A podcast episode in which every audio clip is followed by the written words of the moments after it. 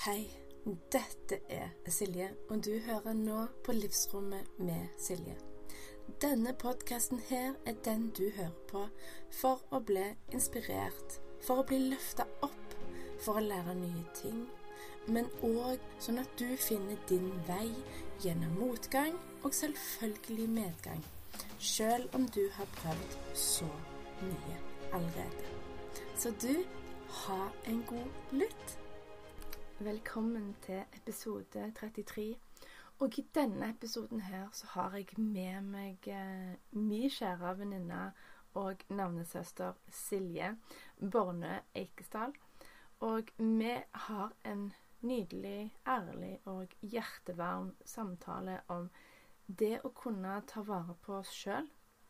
Sjøl om det stormer og er motvind, og vi føler oss nesten som vi blir kvelt av det som skjer i livet. For livet er ikke alltid rosenrødt, glitter og enhjørninger, og det vet jo du òg. Og det å kunne stå stødigere i oss sjøl, sjøl når det stormer, og vi mister gjerne fotfestet Så du, ha en god lytt, og del den gjerne videre med de som du kjenner som måtte trenge denne klemmen i en podkastform. For det er det jeg følte han var når jeg hørte han igjen når jeg redigerte han. Du vil òg høre at er denne episoden er spilt inn av to mødre som har familiene sine i etasjen over.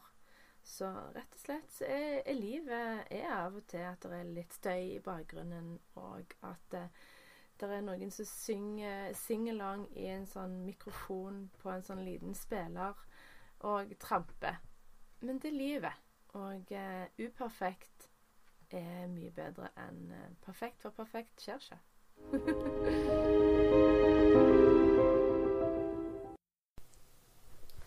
Velkommen til livsrommet med Silje. Silje. Tusen takk, Silje. Nå sitter det to Siljer her og skal spille inn podkast. Endelig. Ja, det var på tide. Ja, Vi har snakka om det en god stund nå. Mm. Og eh, vi har lyst å dele litt om eh, eh, hvordan ta vare på seg sjøl når man står i utfordringer og motstand, og eh, når det føles litt som om livet stormer. Ikke sant? Mm. Men uh, først så må vi jo bli bedre kjent med den andre Siljen. så Silje, hvem er du? Ja, hvem er jeg? Ja, jeg heter altså Silje. Jeg er fra Sandnes. Og jeg er 38 år gammel. Og jeg er veldig glad i mat. Eller jeg er veldig opptatt av mat og mm. lage mat. Mm. Det har vi jo noe til felles. Mm. Um, og så Ja, for jeg jobber jo som kokk ute i Mm. Nordsjøen. Akkurat nå er jeg mammaperm. Uh, men um, ellers så uh, driver jeg uh, og holder på å starte litt for meg sjøl. Mm. Og der uh, driver jeg med hva skal jeg si veiledning. Uh, helhetlig veiledning vil det, vil det vel være, da. Mm. Uh, jeg har nettopp tok eksamen i ernæringsterapi. Mm. Og så har jeg en utdannelse som healingsmassør og samtaleterapeut som jeg Mhm. tok, som jeg starta på i 2010 i Danmark, når jeg bodde der. Jeg Mm. bodde i Danmark i ti år.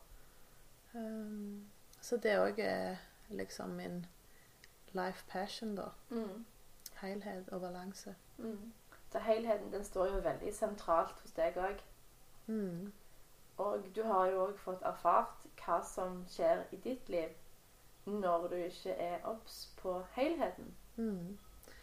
Jeg tror nok at det er vel min egen livserfaring som gjør at jeg brenner så sinnssykt for å rådgi andre på å ikke gjøre de samme feilene som meg. Altså, Man må jo lære på sin egen vei, sånn er det jo for oss alle. Men eh, jeg har erfart på kropp og sinn Ja. eh, hvor gale det kan gå, og hvor gale det fortsatt innimellom går når jeg ikke lytter og stopper opp og gjør det som jeg, Mm. jeg skulle gjort. Mm. Ja, stemmer. Um, og, og det blir bare tydeligere og tydeligere da at, at det er vel derfor jeg brenner sånn for å fortelle det. Jeg forteller jo like mye til meg sjøl enn når jeg deler. Uh, og så håper jeg gjerne at noen andre kan ta til seg litt av det. Om jeg bare kan hjelpe noen få, så at de blir obs på, på signalene, da, faresignalene gjerne, hvis de står i noe som er vanskelig. Mm. Eh, så er det liksom min misjon. Mm. For én ting er jo å ta vare på seg sjøl når man ikke står i noe som er veldig heftig. Mm. Da er det jo litt sånn medvind. Da Mm. er det enkel, enklere å ta vare på seg sjøl når man er i medvind. Ja, er du gal. Men når man da kommer da i motvind eller storm, Mm. det er jo da man får virkelig prøvd seg og liksom eksamen, en, Ikke en eksamen, men at man Funker dette her, det som jeg har gjort for meg sjøl mens jeg var i medvind, nok til at jeg står stødigere når, jeg da, når motvinden kommer? For motvinden vil jo komme for alle Ja, ja. en eller annen gang uansett, eller mange ganger. Det er jo det som kalles livet, vil jo jeg påstå. Mm. Det er jo Medvind og motvind. Ja, ja, ja. Vi er jo ute på havet. ja da. Ja. Så det å Når man da står i, i driten, Mm. og man har vurdert å gi opp For det er dessverre kjempevanlig. Mm. Man har lyst til å bare legge seg ned og våkne opp om eh, tre år eller ti år eller til når det er ferdig. Mm. Men det er jo ikke så realistisk. Nei, det er jo litt vanskelig. Og én ting er jo at når du er for deg sjøl og alene, så er det én ting. Men når du, hvis du har familie og andre rundt deg, så Mm. er det jo enda, enda vanskeligere Mm. å bare legge seg i seng og bare trekke dyna over hodet, eller sitte ligge og se på Netflix hele dagen. For det Mhm. kan man jo gjøre når du er alene, men det er litt vanskelig når du blir nødt til å stå opp og du skal ta deg av andre. Mm. Så eh, et tips du vil dele for uh, som har hjulpet deg når ting har føltes uh, tungt, sånn at du tar litt bedre vare på deg sjøl? Uh, da blir jeg nødt til å gå helt til basics. Altså, det er jo noe jeg gjør daglig, alltid. Mm. Ellers òg at jeg har hele veien sånn små pusterom for meg sjøl. Mm. Det er mange som ler av meg fordi at jeg jeg eh, har forskjellige kopper jeg drikker av. og liksom, Tror du virkelig at en kopp med fettkaffe kan redde hele verden? Så tenker jeg nei, det kan ikke redde hele verden, men den basen i at du kan hente glede fra de små tingene, Mm. som hele veien er sånn små drypp som fyller på Mm. energien din, eh, så vil jo det bli det store i den store helheten. Mm. Eh, Og når det stormer på det verste, og nå, for å si det sånn, akkurat sånn som livet er akkurat nå, så er det ganske heftig. Og eh, hadde meg en liten knekk sist uke, og da er det litt det der med at ja, jeg hadde lyst til å bare lukke øynene og bare håpe at jeg våkna opp igjen og tenkte at da var det over. Men sånn er det jo ikke helt. Det er ikke det. Men bare det å si det høyt, og anerkjenne at det sånn er det, og Mm. at det Altså, innrømme det. Si det, si det høyt, tror jeg. Det er liksom en viktig ting, for da har du anerkjent at det faktisk er der. Og Mm. da kan du òg gjøre noe med det. Mm. Og da er det òg enklere å se liksom OK, hva har jeg vært borti før som har vært vanskelig? Mm. Eh, hvordan har jeg takla det? Kom jeg Mm. ut av det? Har det liksom blitt bedre? Mm. det å ha en erfaring tidligere som vet at du har klart det. Sant? Ja. Mm. Det, det, det å ha evnen til å se at jeg har faktisk takla ting før.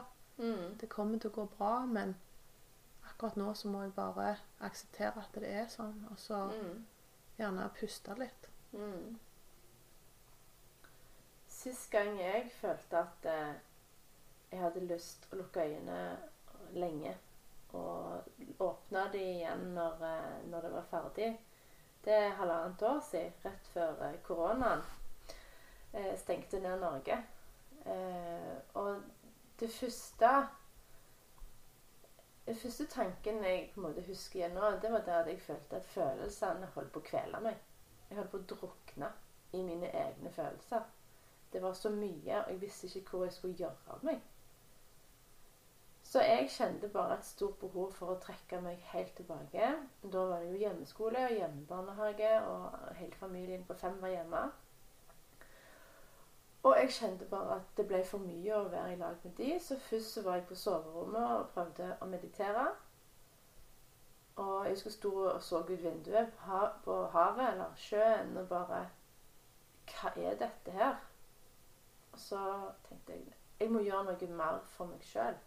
Jeg må bekrefte min egen relasjon til meg sjøl, som forteller meg at jeg er viktig. Mm. For da hadde jeg eh, Da følte jeg at jeg hadde drukna oppi eh, det som hadde skjedd i eh, kjelleren med at leieboeren vår var psykisk syk og hadde ødelagt leiligheten. Samtidig som det var hjemmeskole, og jeg hadde på en måte mista egen tid, eh, som jeg da tok tilbake igjen. Så jeg gikk inn på badet og låste døra og gjorde absolutt alle tinga jeg kunne der for meg sjøl jeg tok eh, ansiktsmaske, jeg barberte eh, legger, jeg eh, gjorde alle Jeg tror jeg farga øyenbryner. Jeg tok for meg alt jeg hadde i skapet. Ikke fordi at jeg hadde et mål om å føle meg Eller se finere ut. Men det var følelsen av å ta vare på meg sjøl jeg ville hente ut av det. Mm. Og så snakka jeg med ei venninne og hun sa eh, at eh, hvorfor gjør jeg ikke mer eh, pusteøvelser? Og det hadde jeg gjort sporadisk før, men ikke noe sånn konsekvent. Og da bestemte jeg meg at det skal jeg gjøre. Hver dag nå. For det ga meg en sånn ro i kroppen. Og den pusteteknikken, den er Wim Hoff. Den er veldig enkel. Og det som man gjør, den aktiverer vagusnerven som gjør at kroppen fysisk slapper mer av. Og da er det jo enklere for hjernen òg å slappe mer av. Så da når man gjør sånne småting for seg sjøl, så er det enklere å eie livet sitt fordi at man tar større ansvar med å gjøre små ting. Og det er jo ikke tingene som er viktige, det er handlingen at du prioriterer deg sjøl. Mm. Um, men innimellom etterpå òg så har jeg eh, kjent på det der det har liksom blitt mye. Og jeg har lært meg, sånn som du òg nevnte tidligere, at eh, det der med å tillate seg til å kjenne, kjenne på det som aksepterer følelsene for det de er. Mm. Og grine og hyle og slå i ei pute og gå på et fjell og skrike om det som du har lyst til for å få det ut. For kroppen din og kroppen min og alle sine kropper er så fantastisk smarte at de lagrer ting på godt og vondt. Mm. Og hvis vi da samler opp og samler opp, så blir den klumpen Den eh, kan bre seg utover store deler av kroppen, og det er ikke, det er ikke bra. Nei, det er absolutt ikke bra. Det å få ut følelser. Mm. Men det er veldig vanskelig for veldig mange. Jo, men det er jo òg at vi Altså, jeg tenker som barn, Hvis du tenker på små barn Nå har jo jeg to små gutter. Han ene er tre, og han andre er ni måneder. Hvis du ser på de, de har jo ikke noen begrensning på de følelsene de Nei. utagerer. De bare gjør det fordi mm. det er mm. naturlig. De har mm. ikke hatt noen som har begrensa dem. Altså mm. um, jeg tror mye òg kommer derfra. Det der med at eh, jo eldre vi blir, jo mer begrensninger blir vi pålagt. Altså mm. Både av foreldre, besteforeldre, samfunnet, mm. barnehage, mm. skole. Altså sånne ting. Og det gjør jo at du ikke er deg sjøl autentisk. Ikke dermed sagt at alle skal egentlig bare få lov å gå rundt og skrike og hyle rundt i samfunnet, for det hadde jo blitt helt kaos. Men av og til å bare være i det. For jeg tenker sånn Er ikke du noen ganger sånn at du sammen med jentene dine, så er du bare sammen med dem, og så gjør du bare ting uten å ha noe mål og mening? F.eks. sette deg ned og leke med dem, eller tegne, ja, eller gjøre sånne ting. Ja. Da er du jo kreativ. Du er i ditt Altså, da ja. er du i en flow, på en måte. Mm. Um, og der tror jeg det er litt viktig òg, for ofte med unger eh, Når de griner, så skal vi huske at vi skal få dem til å tenke på noe annet, eller eh, avlede dem med noe og sånne ting. Mm. Eh, og der er det jo De har jo følelser. Mm. Jeg har en, en liten sønn som er sånn at når han blir sint eller lei seg det kan jo være en, De to går jo ofte i hverandre, da. Mm. Um, så har han behov for å være alene. Og hvis jeg da prøver å følge etter han fordi at jeg skal trøste han eller Mm. være der for han, Ja. så gjør jeg det bare vondt verre. Mm. Og det er ikke det at jeg ikke vil være der for han, men han har behov for å få lov å kjenne på det. Mm. Og der ser jeg større effekt av når han får lov å trekke seg vekk og være litt for seg sjøl. Mm. Så kommer han tilbake når han er klar. Ja, Og da får vi mye Mm. mer ut av samtalen og ting og tang. På den måten at vi kan snakke om det etterpå. Mm. Det òg jeg tenker jeg, jeg vil tilføye, det med fra, fra barndom og sånn. Det er jo litt sånn et slags paradigme at det er gode og dårlige følelser. Men det som både du vet og jeg vet nå, at det er jo ingen følelser som er verken gode eller dårlige. Du skal ha hele spekteret, og alle følelsene, uavhengig av hva de er, er jo en budbringer. Mm. Og at de er der for en grunn. Ja, absolutt. Eh, så det der med at eh, Slutt å Slutt å grine, sånn som mange unger får høre. Eh, og eh, ja, men hva hvis Grininga er jo et symptom på en årsak. Mm. Grininga er jo det du ser. Den, andre, den følelsen som ligger i bånn, er jo det du nødvendigvis ikke ser, men du ser at personen oppfører seg litt eh, utenom det vanlige. Mm. Så det å på en måte akseptere eller være i lag med barnet i den følelsen, Og holde rom for at OK, det er lov å være sinte, det er lov å hyle, det er lov å trekke seg tilbake hvis behovet er der. Eh, eller å få masse, masse, masse kos.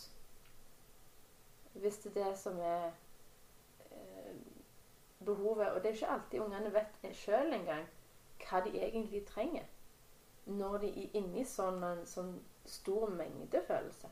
Ja, nei, men det er jo overveldende, for det er jo det er jo òg når de vokser opp og blir eldre, så endrer jo de tingene seg. De skal jo gå fra baby til barn, fra barn til voksen. Mm. Og der òg er det jo store Mm. trinn som skjer, både Ja, fysiologisk og, og, Mentalt. og mentalt. sant? Og det òg er jo viktig å ta med seg. Men sånn som når du f.eks. blir lei deg hvis du blir såra av et eller annet noen sier til deg, Mm. og noen kommer og skal gi deg en klem, er du alltid klar for det da? Nei. Nei. Eh, her i dette huset her, og hvis det har skjedd noe, og jeg har eh, på sett og vis blåst ut av meg over en reaksjon, så kan ei av mine jenter si 'Vil du ha en klem?' Så må jeg kjenne etter. Er det det jeg trenger akkurat nå? Og så sånn Nei. Eller ja. Og selvfølgelig, hvis det er ja, så får jeg så mye klem jeg vil. Men jeg må verne om mine grenser selv om jeg står oppi så mye følelser. Mm. Og selv om det er ungene mine som tilbyr seg å klemme, så må jeg da være klar for å ta imot den akkurat da. Mm. Har det alltid vært sånn, eller er det en innsikt du har tilegnet deg? Det er vel heller det siste, ja. Mm.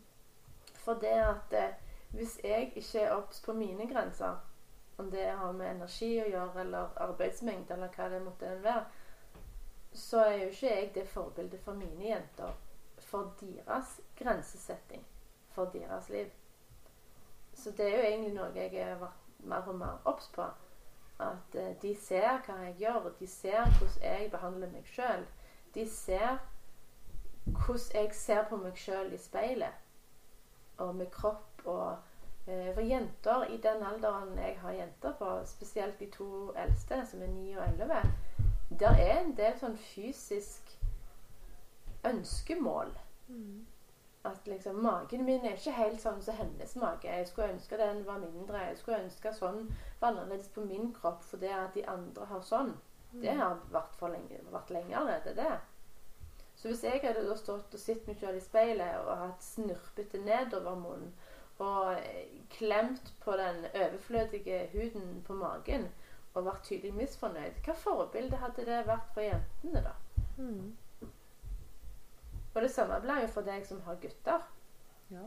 Når de, når de blir voksne og skal da få seg en kjæreste, hva er det de, da verdiene de har med seg? Så det, det er helt fantastisk, den eh, på en måte makten og posisjoneringen vi har som foreldre. Og jeg tror det er veldig bevisst lurt å være bevisste på hvor vi står henne i forhold til hvordan vi behandler oss sjøl fordi ungene observerer oss. Ja, absolutt. Og jeg tror òg at akkurat det som du snakket om tidligere, der med, med, hva er det som ligger bak den følelsen. For det er så fort gjort at uh, vi ser på andre mennesker Altså, vi dømmer jo alt. Alle dømmer jo. Ja, vi det. Det må vi jo bare innrømme, alle og enhver, tenker jeg. Fordi vi ser folk når vi kommer inn i et klasserom, eller vi kommer inn på kafeen, eller det kommer inn Mm. noen på jobben, eller hvor det er hen. Og så tenker du en ting om de, for de har en utstråling, eller de har en måte å være på. sant? Mm. Um, men hvis du da er åpen og tar deg tid til å tørre å bli kjent med det mennesket, Mm. så er det jo ofte at de tankene du hadde første gangen, stemmer jo ikke overens med det som gjerne er fakta. Mm. Mm.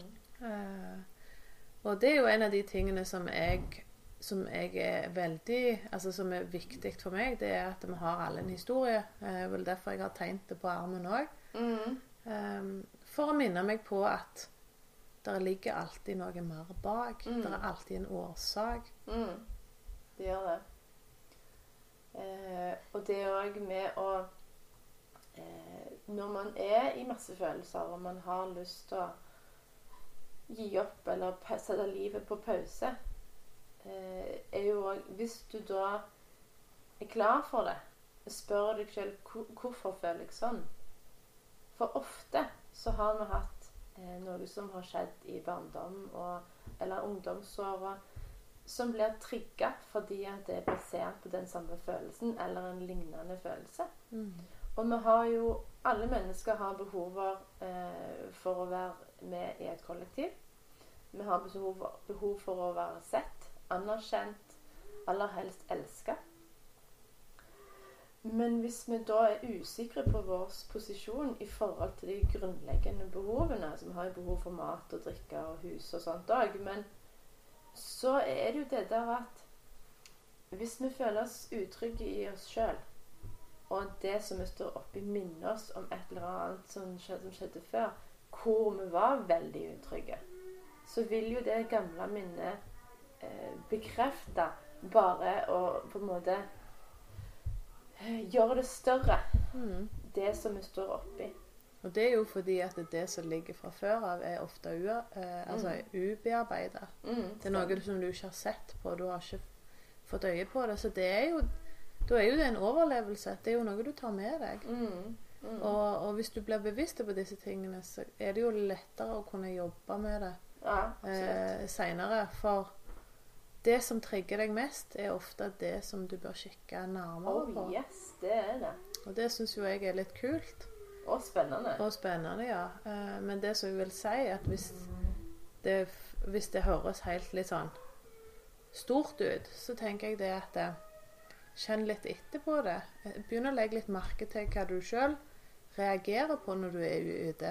Eh, hvis det er noen som sier noe, eller du leser noe, eller du hører noe på nyhetene, hva er det du reagerer på? Hvor kjenner du det i kroppen? Mm, Eh, blir du sint, eh, lei deg og sånne ting, så Mm. er det noe du gjerne skal kikke litt mer inn i. mm, absolutt. Og hvis du ikke har verktøyene til å gjøre det sjøl, så vil jeg absolutt anbefale å snakke med noen som har peiling på, som kan hjelpe Mm. deg videre. Mm. Eh, og det å eh, komme videre fordi at du går litt dypere. Altså Selvutvikling er jo noe som er sånn farsott på internettet nå. at liksom Og jeg utvikler meg sjøl fordi jeg skal bli en bedre utgave. Men det er jo noe dypere med det. For hvis du finner ut av eh, hvorfor blir du trigga i lag med den personen Jo, fordi at den trigger noe i deg som eh, har noe med at du følte deg ikke god nok når du var, la oss si, syv år. Mm. Så kan du jobbe med det, sånn at du ikke lenger blir trigga i lag med den personen. Og kan heller ha en sunnere, mer balansert altså forhold til den personen. Mm. Eh, og likeså med alt annet grums og gruff som dukker opp. For vi har, alle har en bagasje.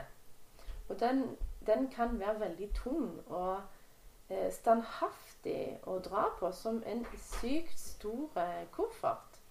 Og hvis du da frigjør deg med noe av den vekta som er i den kofferten, så blir jo livet mye enklere å gå videre ifra.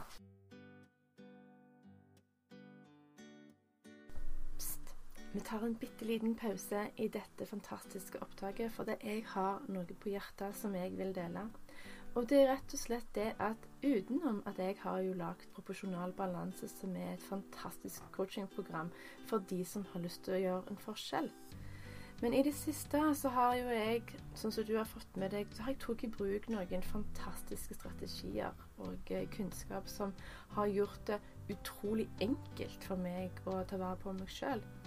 Og eh, når jeg tenker tilbake til før dette og sånn som det er nå, så har jeg, jeg har nesten ikke ord på hvor mye det har hjulpet meg med både energi og helse og velvære og forholdet egentlig med meg sjøl. Og det samme for de, alle de kundene jeg har hjulpet med det samme. Og om du har lett etter en enkel strategi, og det er virkelig enkelt når du skjønner konseptet og har implementert det, og den tar vare på hele deg, som vil langsiktig øke energioverskudd, og som gjør at du har en dialog med kroppen din, og at du forstår hva kroppen din trenger, før det er for seint. For det er veldig mange av oss som har gått på smeller, inkludert meg sjøl. Og det å kunne ha en, en buffer, en, et system, et slags system som forhindrer det.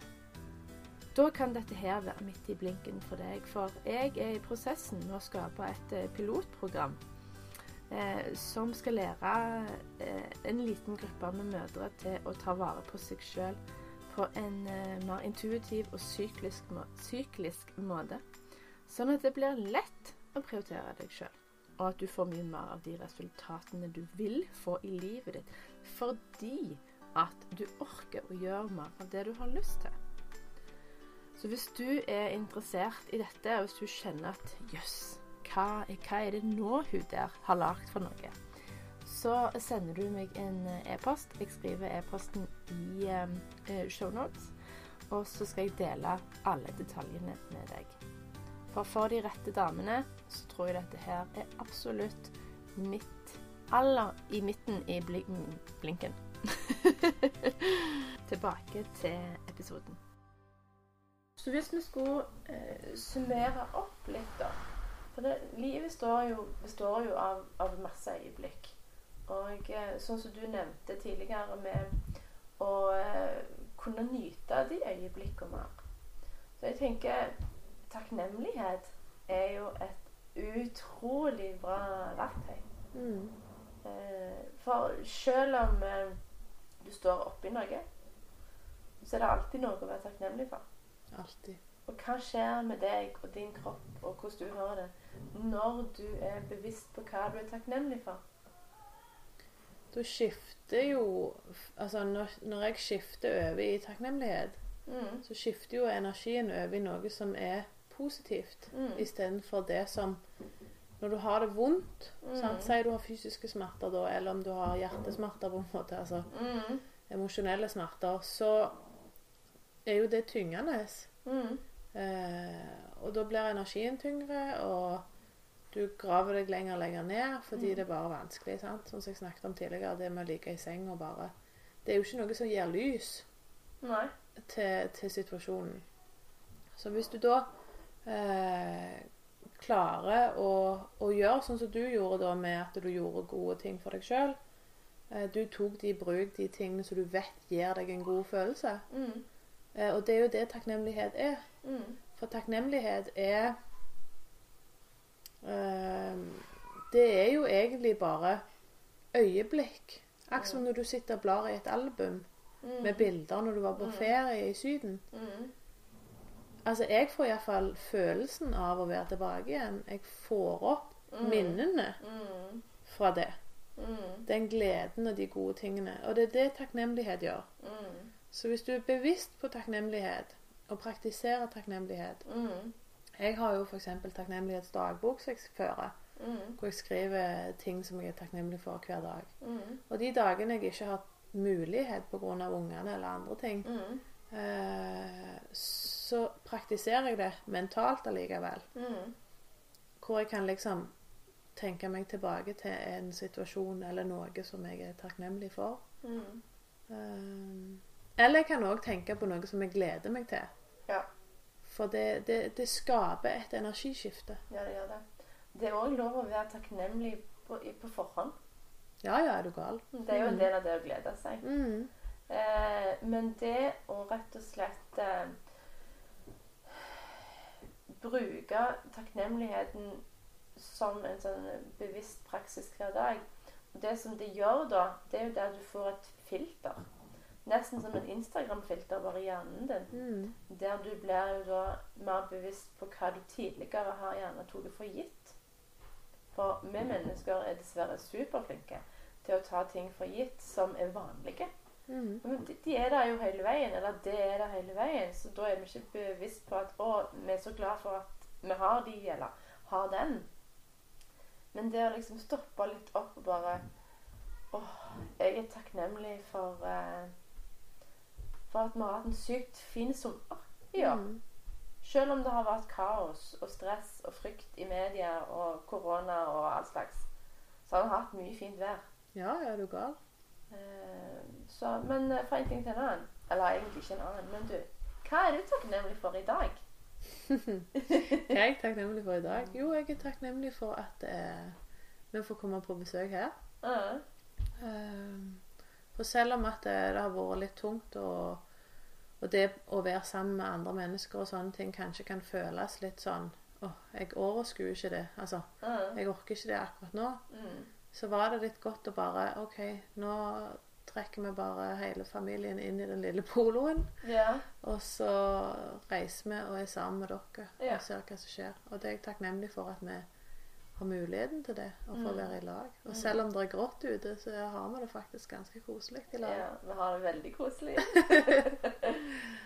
Så, så det er jeg takknemlig for i dag.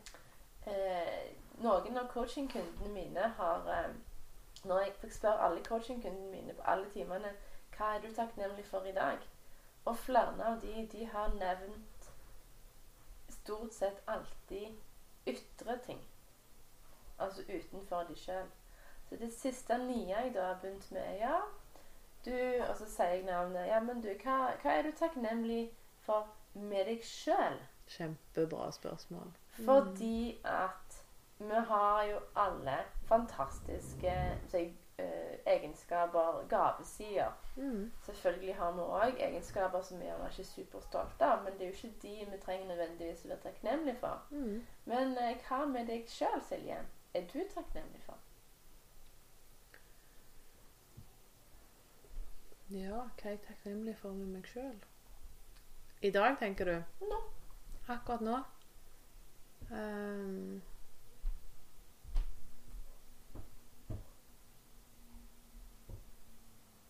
jeg er takknemlig for at jeg tar meg sjøl på alvor. Fantastisk. Mm. Veldig bra. At jeg ehm, At jeg handler på det som jeg eh, har lyst til å handle på, på en måte. Altså Det det, som som du er viktig. viktig. Mm. Mm. Veldig bra. Og du, da?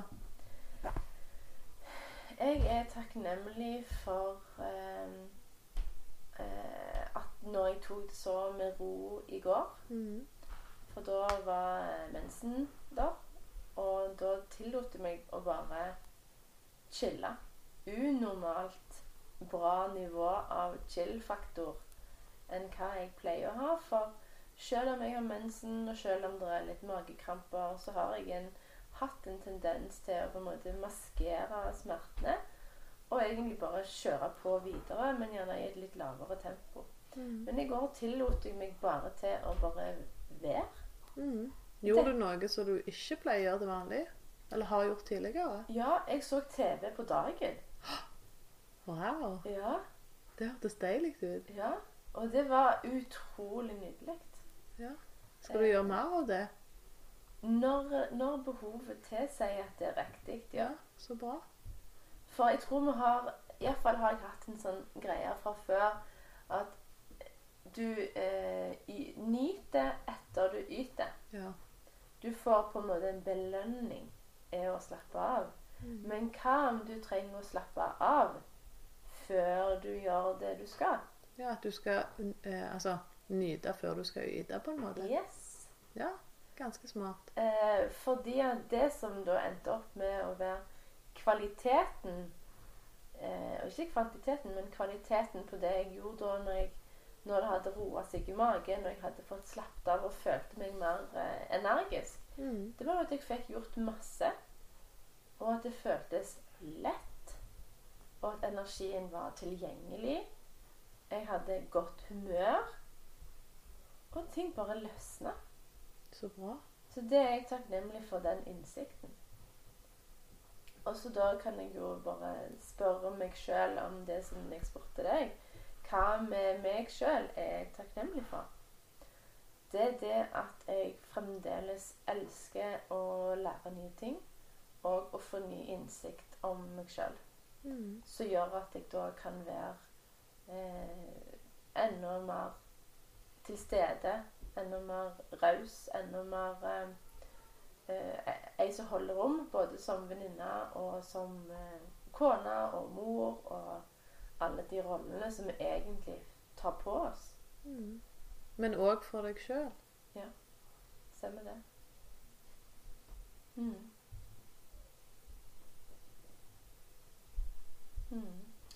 Men eh, avslutningsspørsmålet Når du en dag ikke er på jorda lenger, iallfall ikke i fysisk form, hva tenker du nå at skal være Hva, hva vil du arve skal være etter deg?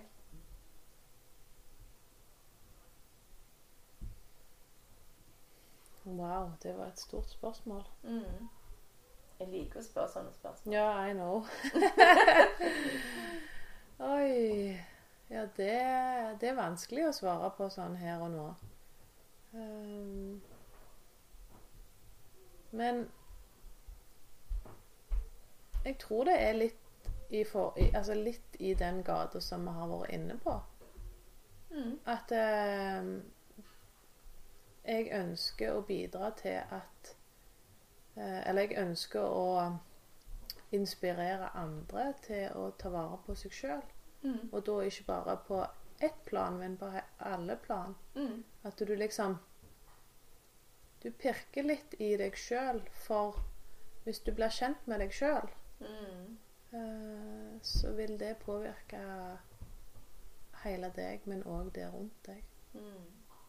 Um, og jeg tror du får et bedre liv. Eller jeg tror ikke jeg vet at du får et bedre liv. Mm. Både med deg sjøl og med andre. Mm.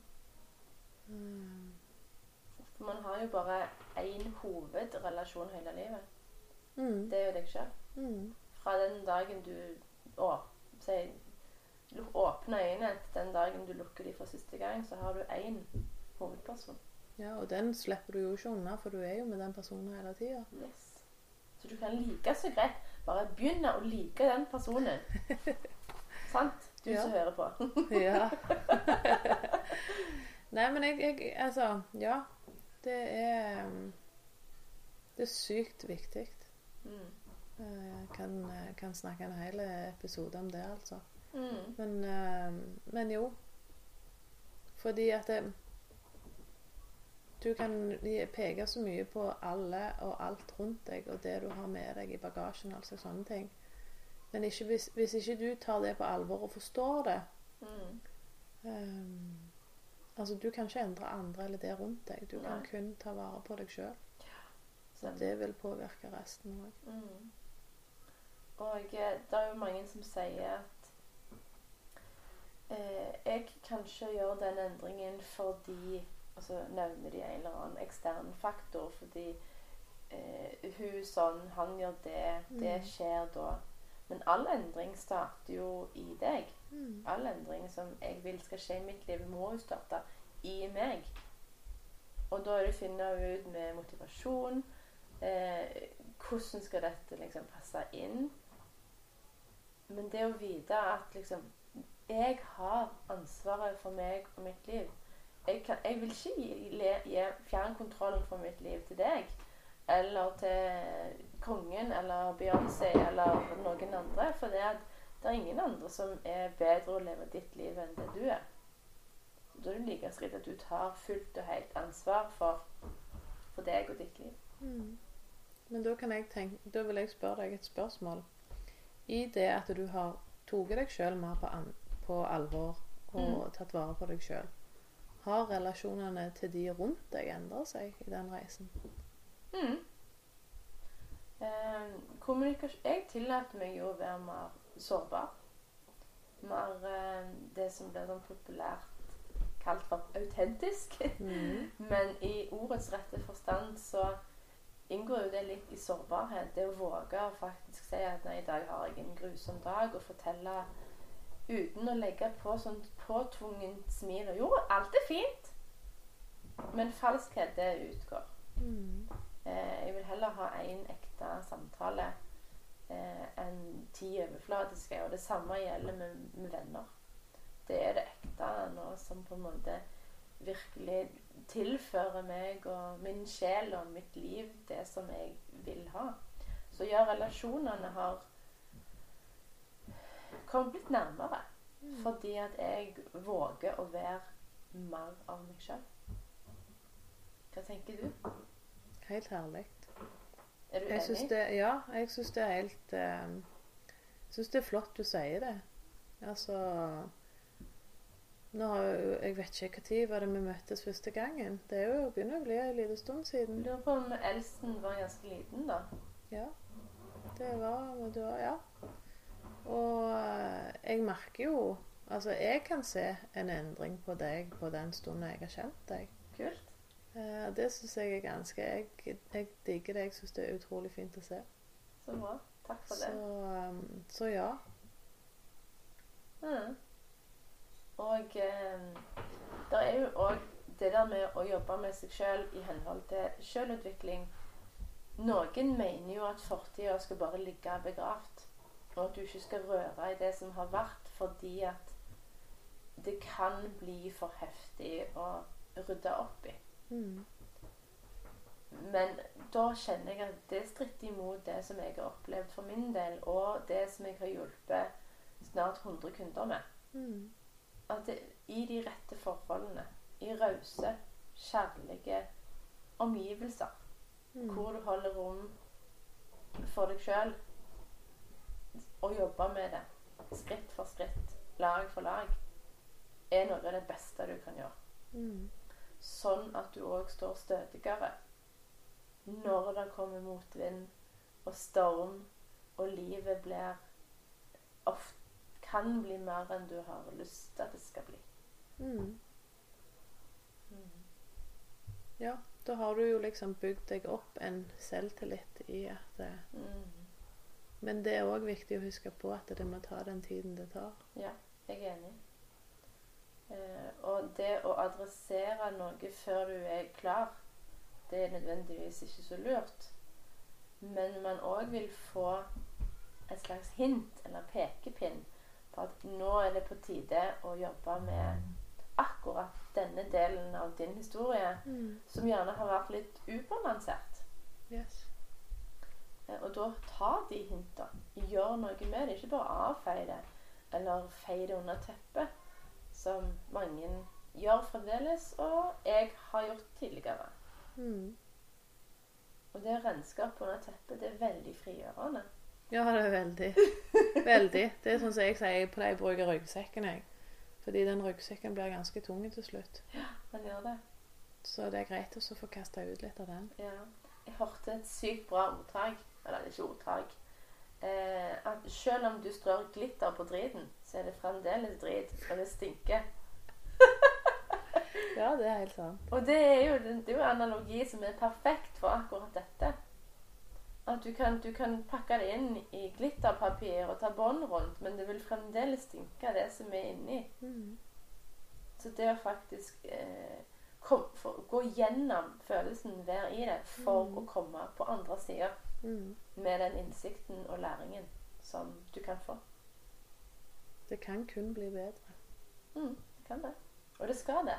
Og det vil bli det. Mm. Ikke sant? du, tusen takk for at du ville være gjest på podden min. Jo, takk for at du ville ha meg på besøk. Jeg tror eh, det må bli flere episoder. Ja, spennende. Jeg håper at du likte denne episoden så godt som vi likte å spille den inn. For eh, veldig mange gode poeng og uh, sjøl erfart visdom fra, både, fra begge Siljene. Så jeg håper at du tar rådet mitt og gjerne og deler videre til alle de du kjenner som kan, kan trenge å høre denne. Og eh, ta screenshot og tagg både meg og Silje. Og jeg legger med i shownotes hva hennes Instagram-navn er, og ikke minst hvor du finner hun på den O store internetten. Du, vi snakkes.